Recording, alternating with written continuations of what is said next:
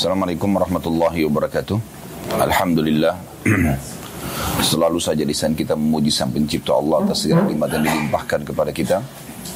Juga selanjutnya kita panjatkan salam hormat kita, salawat dan taslim kepada utusan Allah Nabi besar Muhammad sallallahu alaihi wa ala alihi wa sahbihi wasallam sebagaimana Allah telah memerintahkan kita untuk mengucapkan salam hormat kepadanya. Dan insya Allah pada kesempatan ini kita akan bahas dua surah dalam Al-Quran. Tujuannya agar kita lebih mendekatkan diri dengan kitabullah ini. Karena banyak di antara kaum muslimin belum banyak mengenal tentang Al-Quran. Dan seakan-akan Al-Quran hanya sekedar sebuah jawaban kalau ditanya ya apa itu Al-Quran? Oh ya kitabnya Allah. Oh ya kalamullah atau perkataan Allah. Tapi dia sendiri belum pernah ada persahabatan khusus, hubungan khusus dengan kitab ini. Padahal kitab ini sangat mulia. Kalau ada kitab yang tidak pernah expire, selalu layak untuk dikonsumsi di sepanjang masa itulah Al-Quran. Dan Allah menyebutkan dalam salah satu ayat Al-Quran, kalau seandainya ada kitab yang bisa membuat orang-orang mati itu bisa berbicara, gunung-gunung itu bisa hancur, maka itu adalah Al-Quran. Dan Al-Quran ini memang diperintahkan oleh Allah subhanahu wa ta'ala untuk dibaca dan ditadaburi.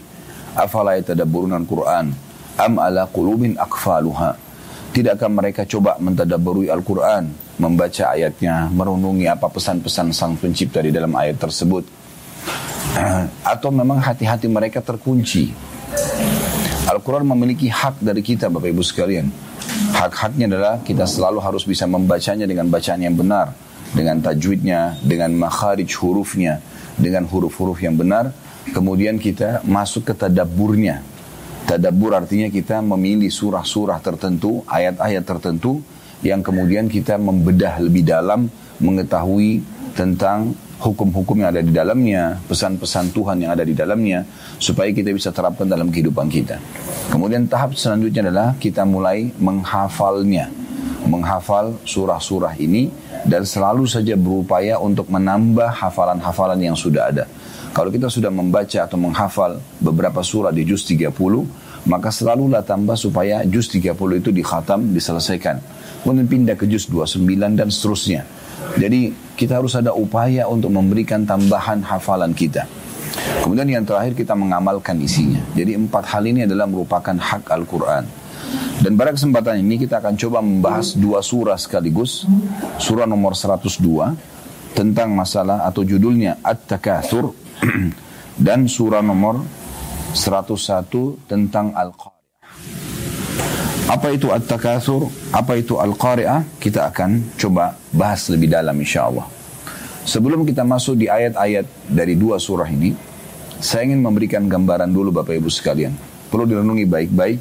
Semua fenomena yang kita alami, baik dari di negara kita dari pertama kita lahir sampai hari ini, yang kita bangun di pagi hari, lalu mulai kita beraktivitas dengan sarapan, dengan program-program kita harian, kemudian mungkin dengan sholat-sholatnya duhur, asar, dan seterusnya. Lama-lama malamnya kita tutup dengan istirahat tidur. Kemudian besok begitu lagi. Ini semua akan ada akhirnya. Ini semua akan ada akhirnya. Jangan sampai kita lalai dan menganggap bahwasanya ini semua tidak berakhir. Semuanya akan berakhir. Allah subhanahu wa ta'ala sudah menentukan ajal setiap orang di antara kita. Dan kalau datang ajal tersebut, tidak akan pernah bisa ada yang menolong kita. Allah subhanahu wa ta'ala memastikan kalau ajal datang, pasti akan meninggal di saat itu dan di tempat itu. Makanya kata Nabi SAW dalam sebuah hadis, kalau Allah ingin merenggut nyawa seorang hamba, maka Allah akan buat dia punya hajat di tempat itu, kemudian dia akan direnggut nyawanya di sana. Nabi-nabi pun meninggal dunia Bapak Ibu sekalian. Nabi-nabi pun meninggal dunia, apalagi cuma kita. Dan semua orang pasti akan wafat, sehat atau sakit, muda atau tua, kaya atau miskin, bahagia atau sengsara hidupnya. Semua akan ditutup dengan kematian. Dan kematian bagi seorang muslim adalah kebaikan. Kenapa saya katakan kebaikan? Karena tanpa kematian kita tidak akan menuju kepada kehidupan yang abadi yaitu akhirat. Dan bagi orang kafir, dia adalah akhir segalanya. Kalau orang muslim itu awal segalanya. Di situlah dia akan meraih atau melewati hidup yang abadi selamanya. Selalu Allah hubungkan surga di akhirat sana dan kehidupan akhirat dengan firman-Nya khalidina fiha. Kekal di dalamnya, kekal di dalamnya, selalu begitu. Ya, sementara dunia ini selalu disebutkan dia adalah fana, dia adalah terhina, dia akan dilaluin. Nah, seperti itu kurang lebih gambarannya. Nah, kita harus tanamkan dulu di pondasi di awal bahasan kita tentang dua surah ini. Salah satu rukun iman kita yang kelima iman kepada hari kiamat. Ini wajib ditanamkan dan kalau Bapak Ibu berhasil menanamkan dalam hati ini, semua kehidupan dunia ini akan mudah sekali dilalui kekurangan harta, penyakit, gangguan dari orang, apa saja. Semuanya itu akan lebih mudah kita lalui. Kalaupun ada menumpuk nikmat pada kita, kita juga tahu bagaimana mensyukurinya. Karena kita tahu ada kehidupan akhirat. Kehidupan akhirat ini akan membuat seseorang itu jauh lebih tenang dalam hidupnya. Jauh lebih mensyukuri nikmat yang ada walaupun sedikit di mata dia. Dan juga bisa lebih bersabar menghadapi masalah-masalah yang sedang menimpa dia. Karena ini semua adalah harus dilalui di muka bumi ini. Ketentraman jiwa, ketentraman dan selamat dari segala macam mara bahaya hanya ada di akhirat sana. Ya. Maka kematian bagi seorang muslim awal segalanya. Dan kalau bagi orang kafir akhir segalanya. Karena mereka sudah tidak mungkin lagi menyelamatkan diri dari api neraka pada saat meninggal dalam keadaan kufur. Itu yang disebutkan dalam Al-Quran dan juga hadis-hadis Nabi alaihi salatu wassalam. Baik, dalam melalui kehidupan dunia ini Bapak Ibu sekalian, kita disuruh mengejar prestasi-prestasi kita. Disuruh mengejar tapi selalu kita hubungkan antara prestasi dunia itu dengan urusan akhirat. Tidak boleh seorang muslim itu mengejar prestasi dunianya, lalu dia lepaskan dari akhirat. Maksudnya, dia lepaskan daripada ancaman-ancaman Allah kalau dia buat pelanggaran, dia melepaskan diri dari janji-janji Allah dengan perbuatan amal baik yang dia kerjakan. Kalau dia bersedekah, kalau dia berbuat baik pada orang, maka dia harus ikuti dengan keinginan ingin mengejar apa yang Allah janjikan menjenguk orang sakit, membantu orang susah, silaturahim keluarga. Dia ikuti dengan keinginan dia untuk mendapatkan surga nanti di akhirat sana. Begitu juga pada saat dia meninggalkan dosa-dosa karena dia takut ancaman Allah. Jangan sampai dia dihukum. Maka kita harus ada di antara dua ini. Boleh seorang muslim itu menjadi orang yang paling kaya, orang yang paling pintar, orang yang paling tinggi jabatannya, orang yang paling banyak hartanya, tidak ada masalah. Islam tidak pernah membatasi semua itu.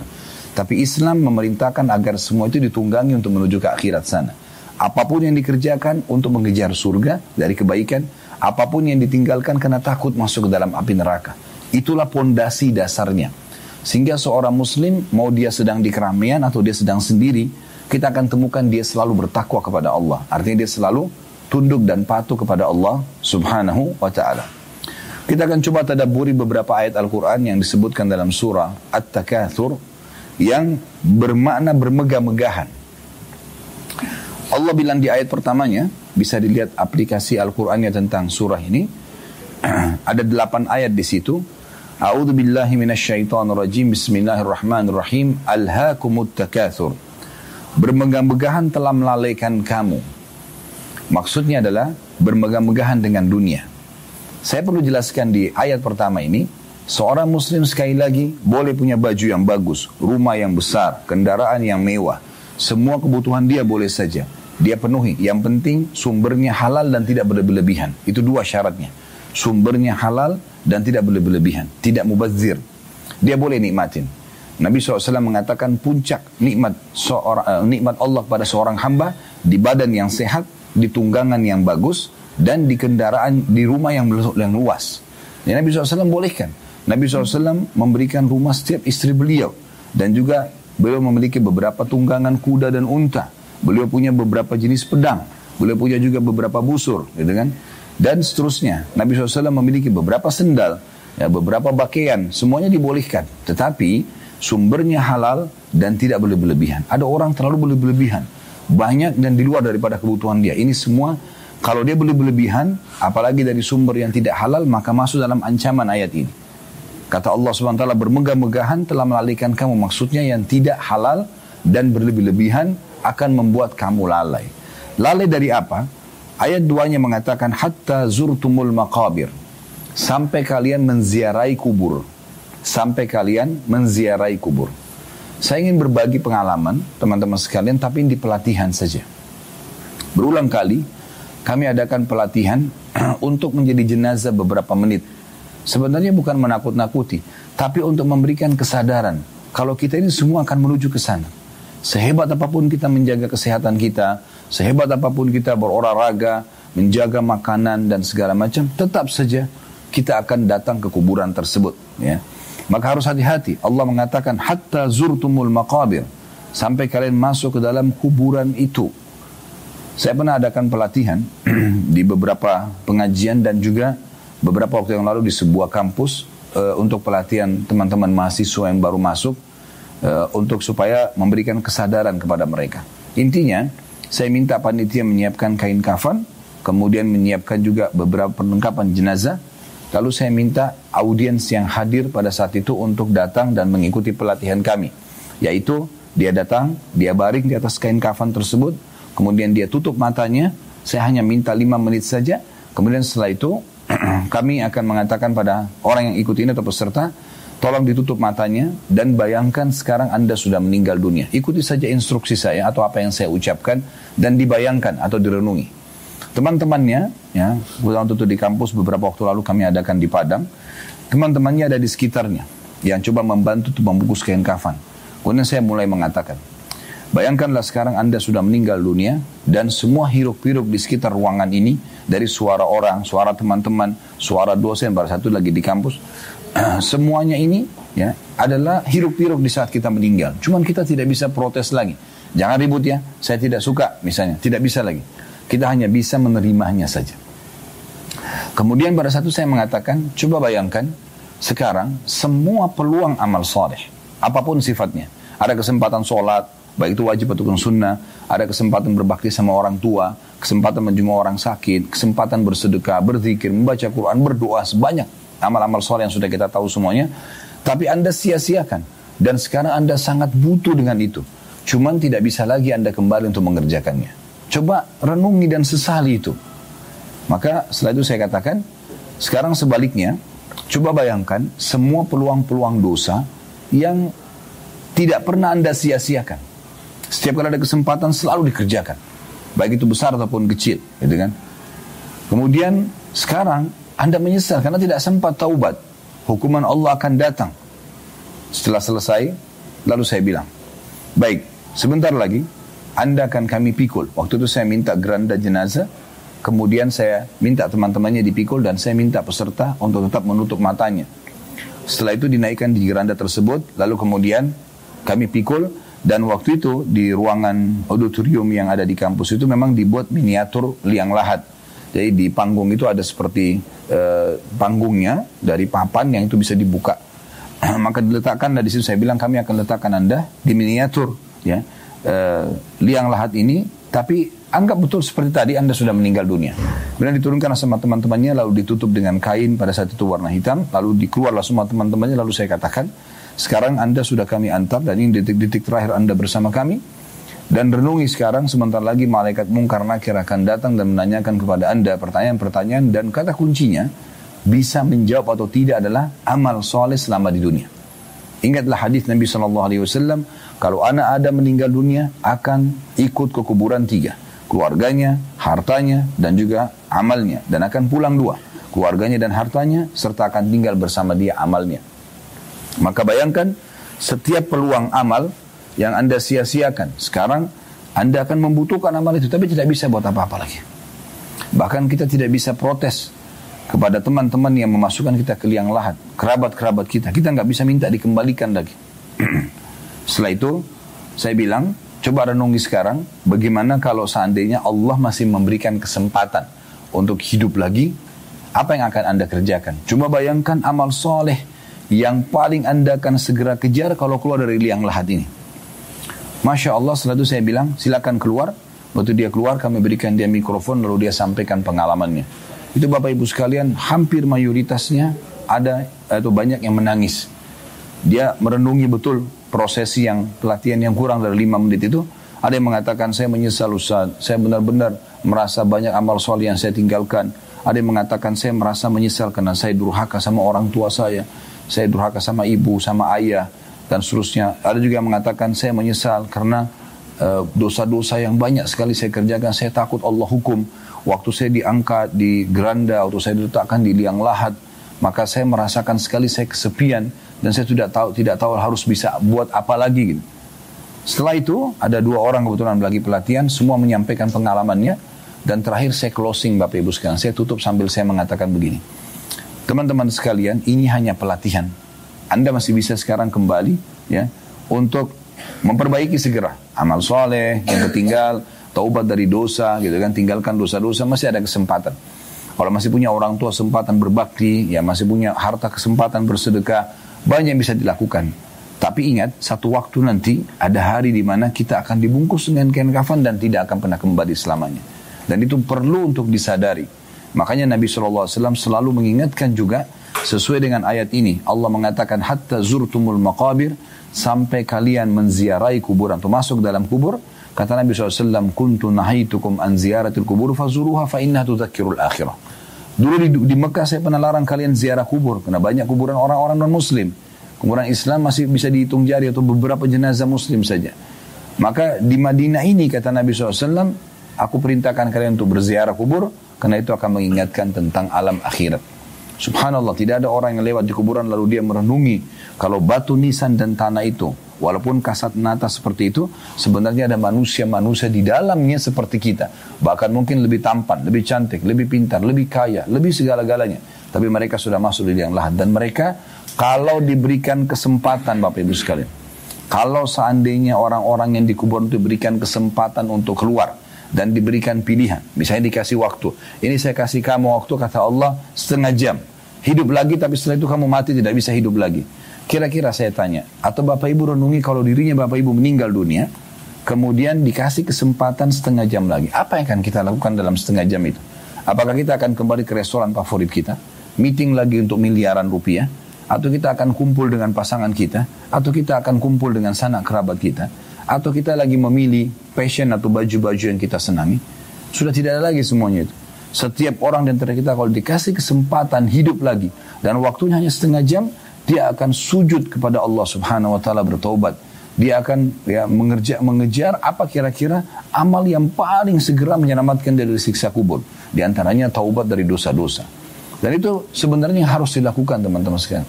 Kita tidak perlu menunggu nanti kita meninggal baru kemudian Allah hidupkan lagi karena tidak mungkin. Tidak ada orang yang sudah meninggal hidup lagi nggak mungkin. Tadi sempat saya singgung tentang kisah Abdullah bin Haram radhiyallahu anhu di perang Uhud tadi. Bagaimana beliau pada saat sudah meninggal mati syahid, Allah berikan dia pilihan. Hai hambaku, maksudnya di, di, diberikan kesempatan. Hai hambaku mintalah. Karena kau sudah mati di jalanku, maka minta apa saja, silahkan. Boleh.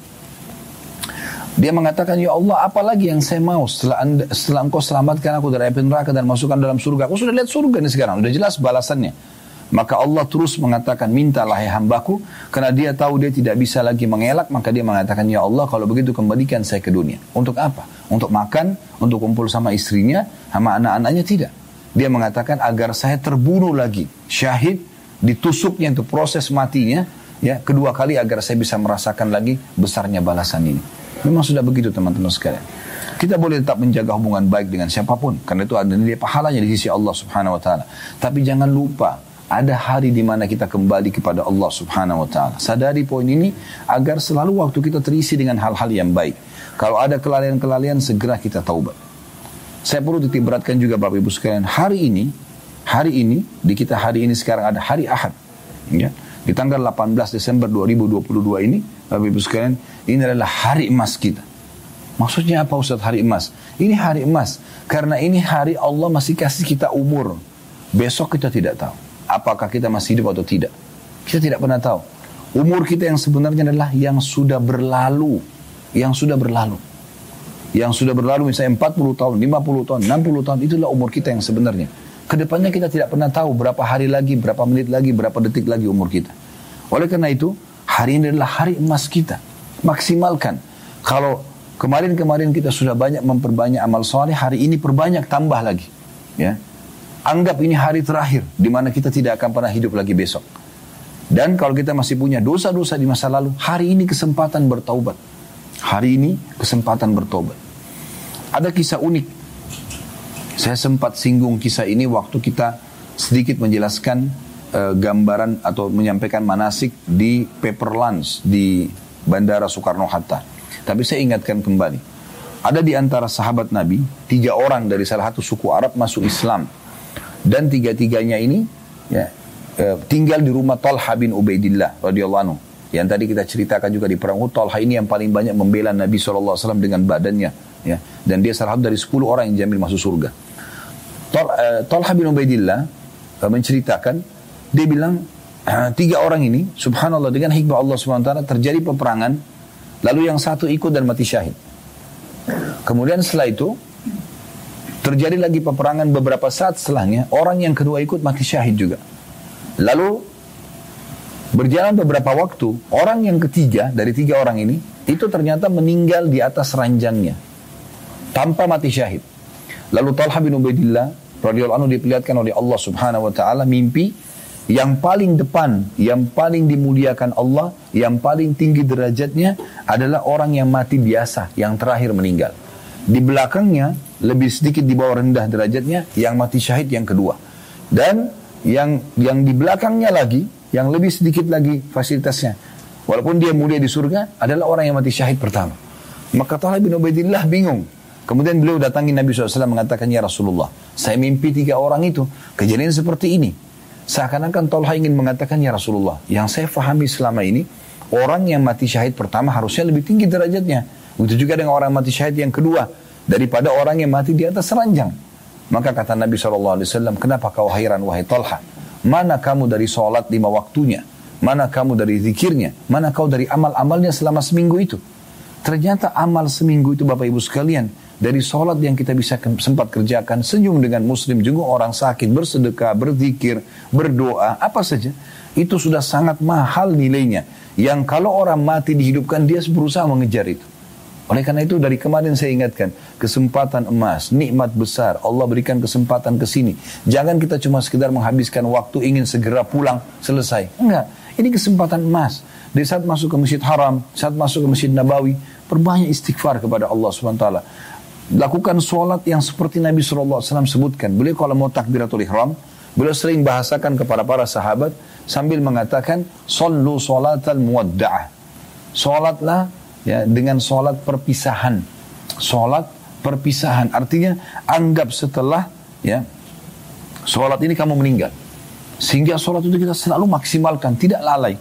Kita tidak memberikan kesempatan syaitan untuk masuk dan membuat kita tidak khusyuk setiap orang kita akan membutuhkan itu nanti di akhirat teman-teman sekalian. Ingat penyesalan di akhir. Maka jangan sia-siakan. Hari ini adalah hari emas kita. Maksimalkan dengan amal soleh tambahan untuk amal-amal kita yang lalu. Dan juga kalau ada dosa segera bertaubat. Ya. Kalau seandainya teman-teman sekalian kita mau lebih dalam merenungi, pernah Nabi Muhammad SAW melewati sebuah kuburan, kemudian di Madinah ini, kemudian beliau bersama dengan beberapa orang sahabat, lalu beliau mengatakan, perhatikanlah baik-baik kuburan ini, demi zat yang jiwaku dalam genggamannya, maksudnya demi Allah, orang ini ya yang orang jalan kuburan lebih mencintai dua rakaat sholat sunnah kalian dibandingkan dunia dan seluruh isinya. Artinya kalau mereka dikasih kesempatan hidup, maka mereka itu akan mengejar sholat baru mati lagi. Seperti itu Bapak Ibu sekalian. Oleh karena itu, maksimalkan waktu. Ingat, kami ini para da'i, apalagi guru-guru kami para ulama, hanya bisa menyampaikan. Bapak Ibu tidak mungkin kami awasi di setiap rumah Anda, kami ketuk, setiap hari kami WA itu tidak mungkin. Tapi orang yang cerdas adalah orang yang sampai padanya peringatan lalu dia ambil sebagai peringatan pegangan hidupnya. Memang sudah seperti itu. Itulah yang Nabi SAW lakukan. Beliau menyampaikan kepada para sahabat, beruntunglah orang-orang yang mau mengambil ilmu itu lalu menanamkan iman dalam hati, lalu dia jadikan praktek dalam hidupnya. Jadi beruntunglah mereka meninggal dalam keadaan iman. Abu Bakar, Umar, Uthman, Ali, Talha, Zubair dan lain-lain ridwanullah alaihim. Ada di antara mereka yang tidak mau, lalai. mencampur baurkan antara amal soleh dengan dosa-dosa mereka. Maka mereka diberikan balasan dengan amal solehnya, diberikan hukuman dengan dosanya. Ada juga orang yang menolak sama sekali orang munafik dan orang kafir. Maka mereka akan kekal dalam api neraka. Ingat teman-teman sekalian, kita ini manusia-manusia terakhir. Kita manusia-manusia terakhir. Sudah miliaran manusia sebelum kita hidup. Sudah miliaran. Dan ikut ambil pelajaran Bagaimana Allah menyelamatkan Nabi Musa dan para sahabat-sahabat yang beriman dari Bani Israel dari Fir'aun. Dan begitulah nasib orang-orang beriman. Allah juga memberikan kemenangan kepada Isa alaihissalam, kepada Daud, kepada Sulaiman, kepada Muhammad alaihissalam. Semua itu karena iman dan amal soleh mereka. Dan Allah mencelakakan Fir'aun dengan tentara-tentaranya. Dan juga kita tahu di zaman Nabi SAW ada Abu Jahal, ada Abu Lahab. ya, ada Umayyah bin Khalaf dan seterusnya, mereka semua meninggal dalam keadaan kufur. Dan siapa yang mengikuti jejak Nabi Muhammad SAW dan para sahabat akan sama nasibnya. Di dunia mereka akan bahagia, mereka akan tersibukkan dengan amal soleh dan ilmu yang bermanfaat. Di akhirat juga mereka akan masuk ke surga. Begitu juga dengan orang yang mengikuti jejaknya Abu Jahal dan Abu Lahab, mereka juga akan sama. Ya, oleh karena itu kita harus hati-hati. Jangan sampai salah dalam memilih jalan. Di muka bumi ini cuma ada dua jalan, tidak ada jalan yang ketiga. Jalan yang pertama, jalan yang benar. Jalan yang kedua, jalan kesesatan. Enggak ada jalan yang ketiga. Jalan yang pertama adalah jalannya Allah, Sang Pencipta. Yang kita yakini la ilaha illallah. Tidak ada Tuhan yang berhak disembah kecuali Allah. Kita yakini semua itu. Dan itu adalah pondasi agama kita. Jadi mengikuti jalan Allah. Juru bicaranya Allah ini adalah para nabi-nabi dan rasul. Para nabi-nabi dan rasul. Penyambung lidahnya nabi-nabi dan rasul adalah para ulama dan para da'i. Kita kalau dengarkan nasihat mereka, tausiah mereka, nasihat mereka, kita akan dibawa ke jalannya Allah, ujungnya masuk surga. Kebahagiaan dunia, kebahagiaan akhirat. Di dunia kita punya pengawasan, karena ilmu agama pengawas, bodyguard. Kita mau makan, kita mau minum, kita mau tidur, kita mau bergaul, kita mau bekerja. Ilmu agama akan mengatakan ini boleh atau tidak boleh. Di dunia terawasi, orang yang mengikuti jalannya, para nabi-nabi yang disambungkan oleh, yang disambung, diteruskan oleh para ulama dan para dai. Dan akhirnya kita masuk ke surga di akhirat. Atau jalan yang kedua. Tidak ada jalan yang ketiga ya. Cuma dua saja. Jalan yang kedua jalan sesat yaitu jalannya iblis. Iblis ini golongan jin yang fasik kepada Allah. Allah mengatakan kana minal jinni fa fasaqa an amri rabbi. Dia dari golongan jin dan dia bermaksiat kepada Tuhannya. Fasik, melanggar. Iblis juru bicaranya dia adalah dukun, peramal, penyamun, penyihir dan juga ahli maksiat. Ini juru bicaranya. Kalau kita ikutin dukun, peramal, penyamun, penyihir, konsultasi dengan mereka. Dukun kah, peramal kah, di Indonesia bisa dikatakan paranormal atau dikatakan orang pintar. Ini atau ahli maksiat. Tiap hari mabuk-mabukan, meninggalkan sholat, narkotika, buat masalah-masalah dalam hidupnya. Maka kalau kita ikutin mereka, kita akan dipandu ke jalannya iblis. Dan akhirnya ujung-ujungnya neraka. Di dunia sengsara. Orang yang mabuk-mabukan narkotika pasti akan dihinakan oleh Allah. Orang yang mencuri, orang yang menipu, orang yang buat kemaksiatan pasti dihinakan. Jangan pernah berpikir orang maksiat tidak dihinakan. Allah punya cara menghinakan. Kecuali dia segera bertaubat, dia mohon kepada Allah, mungkin Allah masih selamatkan. Tapi kalau dia terus lalai, pasti akan dihinakan. Tidak ada orang yang bermaksiat dan terus menerus dalam kesalahan, lalu kemudian Allah tidak permalukan, itu tidak ada. Menghayal, sehebat apa pun, dia mengemas ya dia mengatur rekayasa dalam masa ini tetap saja Allah punya cara. Oleh karena itu hati-hati sekali. Ya kita harus bertobat segera kepada Allah Subhanahu wa taala. Tentu setiap kali kita menyampaikan ceramah seperti ini Bapak Ibu sekalian, ya tujuannya adalah kita bukan sedang mencari-cari kesalahan. Saya tidak kenal Bapak Ibu di sini secara pribadi dan kegiatannya. Mohon maaf, saya tidak pernah menyinggung siapa pun, ya. Tapi yang saya maksudkan adalah kita, saya pun pribadi, kalau ada penyampaian seperti ini kita ambil pelajaran kita ambil pelajaran. Ini peringatan dari Allah SWT hanya melalui lisan kami saja. Bagaimana kita engah, oh ternyata saya diperingatkan oleh Allah Subhanahu wa taala. Kadang-kadang bahkan peringatan datang dari anak kita, dari cucu kita. Ya, memberikan peringatan ya dengan hal-hal yang mungkin kita tidak terfikir sebelumnya, tapi datang peringatan itu kepada kita dari Allah Subhanahu wa taala melalui mereka. Oleh karena itu harus engah ya, harus sadar. Jangan nanti sudah dibungkus dengan kain kafan, masuk ke liang lahat, kemudian baru mau sadar Berteriak-teriak pun tidak akan pernah ada yang temani kita. Secinta-cintanya orang tua sama anak, suami dengan istri, istri sama suami tidak akan tinggal di kuburan. Kita akan ditinggalkan. Dan akhirnya kita akan sendiri dengan amal-amal kita yang selama ini kita lalaikan. Allah mengatakan di ayat tiganya, kita kembali ke surah kita At-Takathur, Kalla sawfa ta'lamun. Pada saat kalian sudah dibungkus kain kafan dan masuk ke kuburan itu, ya kata Allah, kelak kamu akan mengetahui akibat perbuatanmu. Di saat itu, berbuat amal soleh akan terima. Berbuat amal buruk akan dihukum. Nggak ada lagi solusi lain. Ayat empatnya Allah tekankan lagi. Thumma kalla sawfa ta'lamun. Pastikanlah bahwasanya kelak kamu akan mengetahui sekecil apa pun amal soleh yang kita kerjakan akan lihat dan akan dibalas. Ya, sekecil apa pun dosa yang kita kerjakan tidak sempat taubat akan dihukum. Jangan lalai, ya. Sekali lagi kami hanya bisa teriak-teriak seperti ini untuk memberikan peringatan yang cerdas yang mengambil pelajaran dan mengubah hidupnya.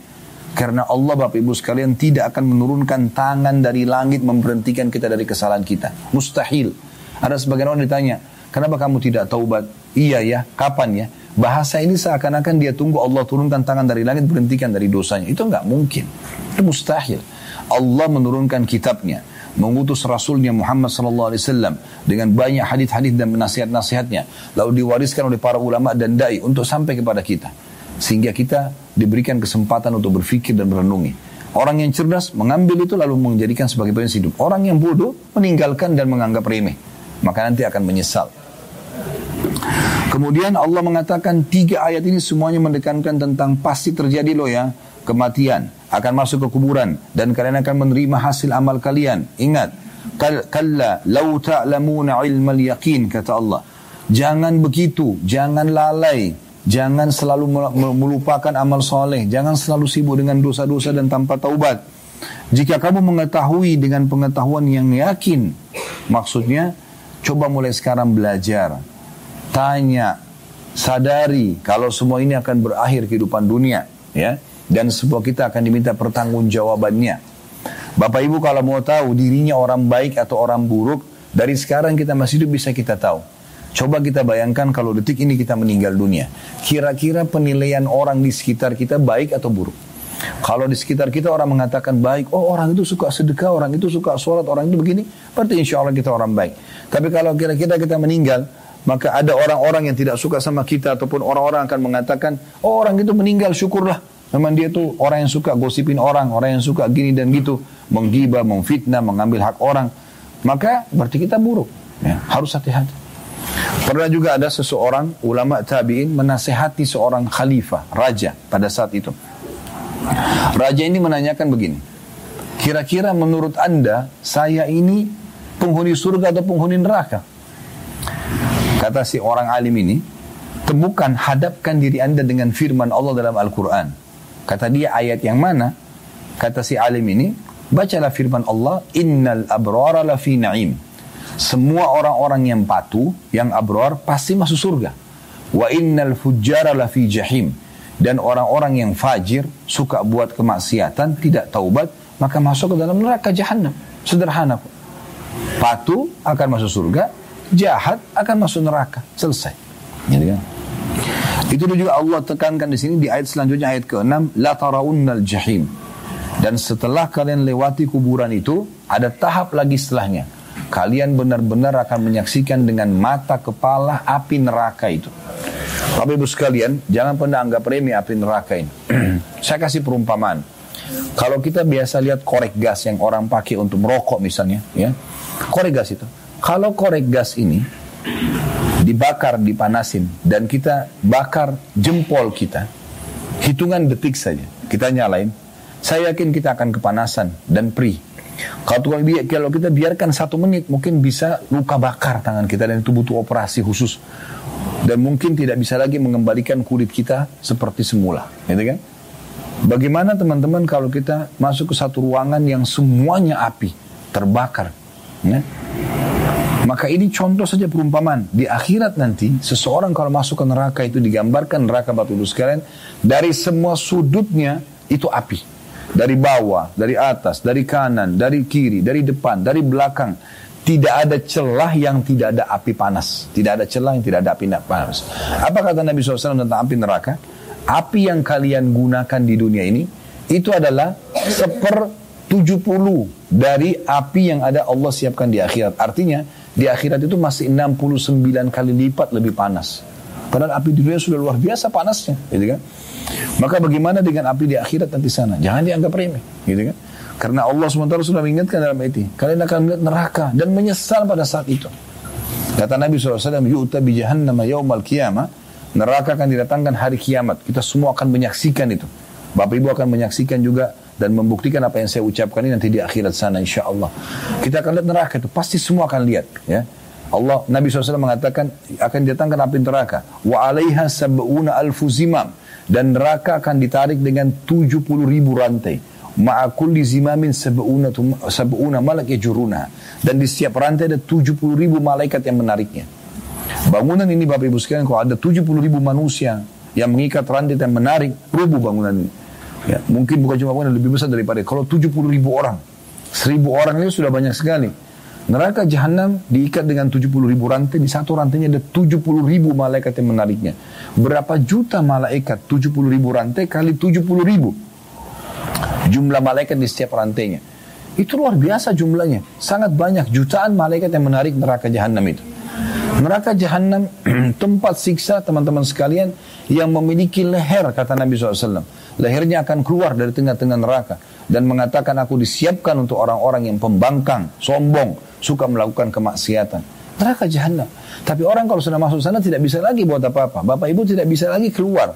Susah untuk menyelamatkan diri kecuali memang dia orang beriman, punya amal soleh, nanti dia disiksa dulu baru kemudian dimasukkan ke dalam surga. Tapi ini berat. Karena di neraka tidak ada kematian. Orang kalau dibakar di neraka Bapak Ibu sekalian, disiksa, maka tidak melalui kematian. Kalau kita lihat seorang pencuri di pinggir jalan, ditangkap oleh masyarakat misalnya, digebukin, maka saya yakin gebukin itu hanya sebatas dia masih hidup. Karena mereka tahu ini masih rasa sakit. Tapi kalau dia sudah meninggal, kan ditinggal sama orang-orang. Karena orang tahu kalau orang mati tidak rasa sakit. Mau diinjak, mau dimutilasi, nggak ada rasanya. Maka di neraka jahanam beda Bapak Ibu sekalian. Orang disiksa tanpa merasakan sakit. Coba Bapak Ibu sekalian, uh, supaya kita bisa memahami baik-baik, saya mengajak kita tinggalkan dulu ya ayat ini, tapi setelah saya baca sampai ayat 8, dan kita akan masuk ke ayat surah Al-Mu'minun, ayat 99 sampai nanti beberapa kalau salah sampai 105.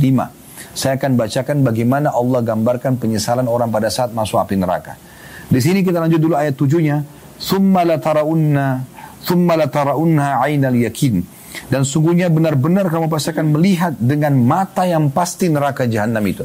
Ini bukan cuma sekedar informasi biasa dari sang pencipta Allah. Jangan sampai itu terjadi. Api yang berkobar-kobar, yang membakar seluruh tulang-tulang manusia, menghanguskan kulitnya, menghilangkan semua kenikmatan yang pernah dia rasakan. Dengan masuk ke dalam api neraka. Jangan sampai itu terjadi.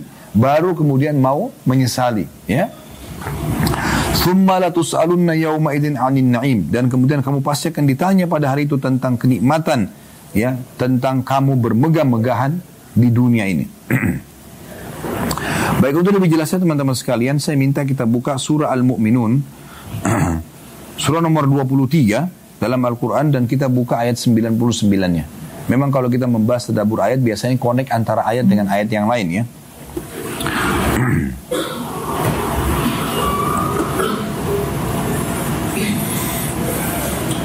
Di ayat 99-nya Allah menggambarkan surah nomor 23 Al-Mu'minun saya bacakan hatta idza jaa ahadahumul mautu qala rabbirji'un. Tolong perhatikan baik-baik dilihat ayatnya dan lihat terjemahannya. Saya bacakan. Demikianlah keadaan orang-orang kafir itu hingga apabila datang kematian kepada salah seorang dari mereka dia berkata ya Tuhanku kembalikanlah aku ke dunia. Allah bocorkan buat kita sekarang, Allah berikan kita bocorannya kalau orang mati dalam keadaan maksiat dan kafir begini. Dia kalau mati, dia akan nyesal. Udah syukur kita dapat bocorannya. Jangan tunggu jadi seperti mereka baru kita nyesal. Allah bilang, nanti orang-orang yang meninggal dalam keadaan kafir, banyak dosanya tidak sempat taubat. Pada saat mereka lihat malaikat maut, maka mereka mengatakan, wahai Tuhanku, kembalikanlah aku ke dunia. Untuk apa? Ayat 100-nya perhatikan. La'alli a'malu salihan fima tarat Kalla innaha kalimatun huwa qailuha wa mi waraihim barzakhun ila yaumi yub'atsun. Agar aku bisa beramal ya berbuat amal saleh yang ya agar aku berbuat amal soleh terhadap apa yang telah aku tinggalkan dahulu. Maksudnya, semoga aku kembali lagi ke dunia, ya Allah berikan aku sesaat umur supaya aku beramal soleh. Lalu Allah mengatakan sekali-kali tidak. Sesungguhnya itu hanya perkataan yang diucapkan saja. Maksudnya tidak akan mungkin lagi peraturan Allah kita kembali hidup. Dan di hadapan mereka ada dinding sampai hari e, mereka dibangkitkan. Maksudnya di kuburan. Mereka tidak bisa keluar untuk mengejar amal soleh. Walaupun cuma mengorek tanah itu, kuburan untuk keluar ke atas tidak bisa. Mereka tidak mungkin bisa buat. Allah buat dinding mereka tidak bisa keluar. Ayat 101-nya. فَإِذَا نُفِخَ فِي السُّورِ فَلَا أَنْصَابَ بَيْنَهُمْ يَوْمَئِذٍ وَلَا يَتَسَاءَلُونَ apabila sang kakala sudah ditiup nanti menjelang hari kiamat dan tidak ada lagi pertalian nasab di antara mereka pada hari itu dan tidak pula mereka saling bertanya. Maksudnya uh, dalam dalam ayat yang lain juga Allah katakan pada hari itu di hari hari kiamat nanti orang lari dari orang tuanya ibu bapaknya, dari anaknya, dari pasangan hidupnya, dari anak-anaknya. Karena mereka masing-masing ingin selamat. Jangan sampai ada hak orang tua yang belum dikasih, jangan sampai ada hak anak-anak yang belum dikasih, hak istri, hak suami, hak kerabat, hak teman-teman. Atau kita pernah menyiksa dan mengganggu mereka sehingga akhirnya mereka akan menuntut kita. Di hari kiamat kita lari semuanya. Kita coba menyelamatkan diri pada saat itu. Allah gambarkan. Lalu Allah bilang di 102-nya, "Faman thaqulat mawazinu faulaika humul muflihun." Siapa yang berat timbangan kebaikannya pada hari itu, maka mereka adalah orang-orang yang mendapatkan keberuntungan karena selamat. 103-nya, "Wa man khaffat mawazinu faulaika alladziina khasiru anfusahum fi jahannam khalidun." Dan barang siapa yang ringan timbangan amal baiknya, dosanya lebih banyak, maka mereka mereka lah orang-orang yang merugi, merugikan dirinya sendiri. Mereka kekal dalam neraka jahanam. Bapak Ibu sebelum saya lanjut ayat 104-nya, perlu kita garis bawah ya. Kalau ada orang yang hanya pikirannya dunia saja, dia tidak berpikir masalah akhirat. Ingat, semua urusan dunia ini dari dompet, dari tas, celana, apa sajalah, kendaraan, rumah, semua ini hanya akan dikenang pada saat kita meninggal beberapa saat saja. Orang hanya mengatakan, oh itu rumahnya dia dulu, oh itu sepatunya, oh itu bajunya, oh itu dia, ya, jabatannya dulu begini dan begitu. Selesai. Habis itu selesai. Seminggu, dua minggu, satu bulan, orang akan lupakan. Setahun, oh wah. Saya tanya Bapak Ibu kita kalau mau jujur, apakah ada di antara kita di sini masih mengenang kakek-kakeknya? Sudah nggak bisa. Nggak ada lagi. Bahkan mungkin ada yang kita tidak tahu namanya siapa kakek-kakeknya dia. Jadi kalau kakeknya dia misalnya namanya Ahmad, kakeknya kakeknya bernama Yusuf. Dia tidak tahu tuh Yusuf siapa. Jadi artinya ada generasi di mana kita sudah dilupakan. Kita tidak ditahu. Ya. Kalaupun ada yang beramal saleh buat kita, paling anak-anak kita terdekat. Setelah anak-anak itu mulai cucu, mulai mungkin menurun. Cicitnya mulai menurun. Seterusnya mungkin orang sudah lupakan. Mereka paling sama orang-orang terdekat saja. Yang bisa menyelamatkan hanya amal-amal soleh kita saja sendiri. Perbanyak amal soleh itu. Kemudian satu empatnya, seratus empatnya Allah mengatakan talfahu wujuhahumun nar wa hum fiha kalihun. Muka mereka akan dibakar di api neraka pada saat itu. Di neraka dan mereka di dalam neraka itu dalam keadaan cacat. Di sini ada makna cacat Bapak Ibu sekalian. Ditafsirkan di dalam sebuah hadis Nabi Shallallahu Alaihi Wasallam. Ini kalau Bapak Ibu melihat di YouTube ada di playlist YouTube kami. Kalau Bapak Ibu masuk di Khalid Basalama official di YouTube, diklik lalu cari playlist, cari ceramah kami tentang Eh, bedah buku Rasulullah SAW cerita tentang surga dan neraka. Ada 30 bab tentang surga, ada 30 bab sekian tentang neraka. Itu sudah panjang lebar kami jelaskan. Dan di antaranya penjelasan tentang makna hadis ini. Tafsir ayat 104 surah Al-Mu'minun kata Nabi SAW, nanti ahli neraka itu akan memanggil malaikat penjaga neraka. Malik namanya. ya Penjaga neraka itu namanya Malik. Allah gambarkan dalam Al-Quran mereka panggil Ya Maliku, ya. Wahai Malik, mereka panggil gitu. Maka mintalah kepada Tuhanmu agar meringankan buat kami satu hari saja azab. Satu hari saja azab. Maka kata Nabi SAW, malaikat neraka tidak menjawab mereka. Ya, tidak menjawab mereka. Ya. Kemudian itu lama sekali. Setelah lama itu pun dijawab, ya jawabannya malaikat tersebut, sesungguhnya kalian pasti akan di situ. Ya. Tidak akan mungkin kalian bisa buat apa-apa. Lalu mereka kata Nabi SAW memanggil Tuhan mereka. Sambil mengatakan, Ya Allah, tolonglah kami, ringankan azabnya. Maka yang terjadi, kata Nabi SAW, Allah tidak menjawab mereka seumur dunia. Dunia berapa miliar tahun, seumur itu Allah tidak jawab. Dan setelah Allah jawab pun, Allah mengatakan, Qalakhsa'u fiha wa tukallimun. Ya, itu Bapak Ibu bisa lihat, ya, di ayat 107 sampai 108. Nanti mereka akan mengatakan Rabbana akhrijna minha fa in udna fa inna zalimun di 107-nya. Ya Tuhan kami, keluarkan kami dari api neraka ini dan kembalikan kami ke dunia. Jika kami masih kembali juga pada kekafiran dan kemaksiatan, sesungguhnya kami termasuk orang-orang zalim. Apa yang Allah bilang di 108-nya? Allah berfirman, tinggallah dengan hina di dalamnya dan dengan kamu berbicara dengan aku. Jadi setelah mereka memanggil Allah dan Allah tidak jawab seumur dunia, miliaran tahun, setelah Allah jawab pun Allah bilang di 108-nya, ikhsa'u fiha wa la tukallimun. Kalian jangan berbicara denganku dan tinggallah dengan hina di dalamnya. Maka pada saat itu kata Nabi SAW mereka akan menangis dari tempat keluarnya air mata itu keluar darah dan kalau mereka e, dari air mata mereka yang tertampung di neraka itu ya belepotan dengan darah dengan nanah dengan air mata mereka kalau air mata mereka mau diarungkan di atasnya kapal laut maka bisa terarungkan jadi saking banyaknya. Dan Allah mengatakan, gara-gara itu di 104 kita kembali, mereka dianggap cacat. Ya, mereka cacat. Allah mengatakan di 105-nya, Alam takun ayati tutla alikum fakuntum biha tukadzibun. Bukankah ayat-ayatku telah dibacakan? Seperti Bapak Ibu dengarkan sekarang. Telah sampai peringatan-peringatan gitu kan. Kepada kamu sekalian, tapi kamu tetap mendustakan. Lalu apa jawaban ahli neraka? Perhatikan. 106-nya. Qalu rabbana ghalabat alina shikwatuna wa kunna qauman. Mereka berkata, ya Tuhan kami, kami telah dikuasai oleh kejahatan kami. Maksudnya kami dulu di, dikuasai oleh hawa nafsu kami sehingga kami mau buat dosa dan seterusnya dan tidak taubat. Dan kami termasuk orang-orang yang sesat. Baru nyambung ke 107 tadi. Kalau engkau mengeluarkan kami dari neraka jahanam ini ke dunia, kami akan kembali beramal soleh. Kalau kami tidak beramal soleh, berarti kami orang zalim. Tapi Allah murka pada mereka sambil mengatakan, tinggallah dalam neraka itu dalam kondisi terhina. Jadi ini gambaran tentang surah At-Takatsur. Bahwasanya akan ada kematian, kemudian akan ada juga ya hisab tentu dari Allah Subhanahu wa taala. Sekarang kita tutup, kita sambung dengan surah nomor 101 Al-Qari'ah.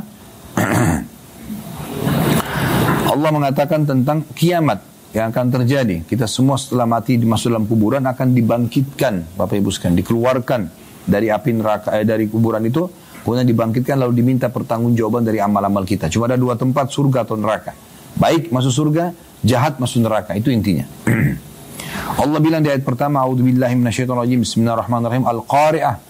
Hari kiamat itu. Kiam maksudnya berdiri ya, dibangkitkan, dipertang minta pertanggungjawaban. Mal qari'ah. Apakah kalian tahu apa itu hari kebangkitan, hari kiamat? Wa ma adraka mal qari'ah. Tahukah kamu apa itu hari kiamat? Jadi berulang Allah tanya ini supaya menarik perhatian kita. Ayo hati-hati, hati-hati. Ada hari kebangkitan. Ada pertanggungjawaban atas amal-amal. Ayat tempatnya. Yauma yakunun nasu kal farashil mabthuth. Pada hari itu manusia seperti anai-anai yang bertebaran. Jadi mereka banyak sekali miliaran dari manusia pertama manusia semua dibangkitkan dan mereka seperti aneh-aneh yang bertebaran. Yang tidak tahu harus ke mana. Sempoyongan di mahsyar itu. Watakunul jibalu kal ihnil manfush. Dan pada saat itu gunung-gunung adalah seperti bulu yang dihambur-hamburkan. Karena salah satu tanda-tanda hari kiamat gunung semua akan dicabut oleh Allah Subhanahu wa taala. Sehingga bumi ini melayang dan jadi ringan. Semuanya melayang-layang dan kita ada di situ, ya. Lalu di situ Allah akan bangkitkan, lalu Allah akan mulai datangkan orang di mahsyar untuk dihisap. Allah ulangi di ayat 6-nya seperti tadi surah Al-Mu'minun ya. Fa amma man thaqulat mawazinu, orang-orang yang berat timbangan kebaikannya, fahuwa fi 'isyatir radiyah, maka dia berada dalam kehidupan yang akan memuaskan dia, akan menenteramkan dia. Di ayat 8-nya wa amma man khaffat mawazinu, adapun orang-orang yang ringan timbangan kebaikannya karena banyak dosanya, fa ummuhu hawiyah maka tempat kembalinya adalah neraka hawiyah ya. wa ma adraka ma hiya? Apakah kalian tahu apa itu neraka hawiyah? Salah satu nama neraka adalah hawiyah narun hamiyah. Api yang sangat panas. Api yang sangat panas. Tadi dua surah ini dan beberapa hal yang sudah kami sampaikan tadi, tujuannya sebenarnya Bapak Ibu sekalian bukan menakut-nakuti tapi memberikan gambaran tentang bagaimana kita harus selalu sadar, selalu engah ya. Kalau waktu kita tidak terbatas, kita hanya bisa diperintahkan dan diciptakan untuk beramal soleh dan akhirnya dapat balasan baik di dunia, baik di akhirat. Dan kalau kita lalai di dunia dan akhirnya akan ada hisab di akhirat, maka ada penyesalan di sana. Oleh karena itu harus hati-hati sekali. Ya. Seorang penyair Arab mengatakan, Ya benar Adam ila mata anta fi lahwin wa wal mautu nahwa kafatihan fahu. Wahai anak Adam sampai sampai kapan kau berlalai-lalai Sementara kematian di depan matamu, di depan mata telah membuka mulutnya dan siap untuk menerkammu setiap saat. Oleh karena itu teman-teman sekali lagi hati-hati, berbanyaklah amal soleh dan tujuan pengajian seperti ini adalah untuk mengingatkan mulai hari ini ke depannya. Yang lalu-lalu yang sudah berlalu kita tidak membahasnya lagi. Kalau yang lalu berisi amal soleh tinggal berbanyak amal soleh hari ini dan ke depan selama Allah masih kasih umur. Dan kalau anda berbuat dosa maka segera bertobat karena ini adalah hari emas kesempatan agar jangan sampai Allah menghisap kita. Kita punya satu kata kunci. Sebelum kita berangkat umroh ini saya khutbah Jumat tentang kalimat eh, sebuah tiket VIP dari Allah yaitu istighfar dan taubat. Bagaimana subhanallah sekian tahun kita buat dosa hanya dengan istighfar dan taubat nasuha kepada Allah Allah hilangkan semua kesalahan tersebut lalu Allah juga selamatkan kita dari segala macam siksaan yang disebabkan karena dosa-dosa itu. Oleh karena itu bahasan kita adalah mulai hari ini ke depan. Yang lalu-lalu sudahlah berlalu. Tapi bagaimana setelah dengarkan ceramah ini kita isi dengan taubat nasuha kepada Allah SWT, kita isi dengan amal soleh supaya kita bisa selamat nanti di akhirat. Yang bisa menyelamatkan diri kita hanya kita sendiri, tidak ada orang lain. Ya, perlu ingat sebagai penutup perkataan saya, Nanti Bapak Ibu sekalian orang-orang yang masuk ke dalam neraka masuk ke dalam neraka dalam kondisi meyakini keadilan Allah. Mereka masuk neraka dan yakin mereka pantas masuk neraka. Kenapa? Karena Allah tidak pernah suruh mereka berbuat dosa. Mereka sendiri yang menjerumuskan dirinya. Allah sudah memberikan tiket VIP. Bisa taubat nasuha Allah masih maafkan. Tapi juga mereka tidak mau lakukan seperti kasus Fir'aun, Namrud dan orang-orang yang lainnya. Maka akhirnya mereka meninggal dalam keadaan kufur dan penyesalannya abadi selamanya. Beruntunglah orang-orang yang mendengarkan seperti ini, kemudian mereka segera menambah iman dan amal saleh mereka, serta juga mereka tobat dari kesalahan-kesalahannya. Allahu a'lam. Subhanakallahumma bihamdika, asyhadu an la ilaha illa anta wa atubu ilaik. Wassalamualaikum warahmatullahi wabarakatuh.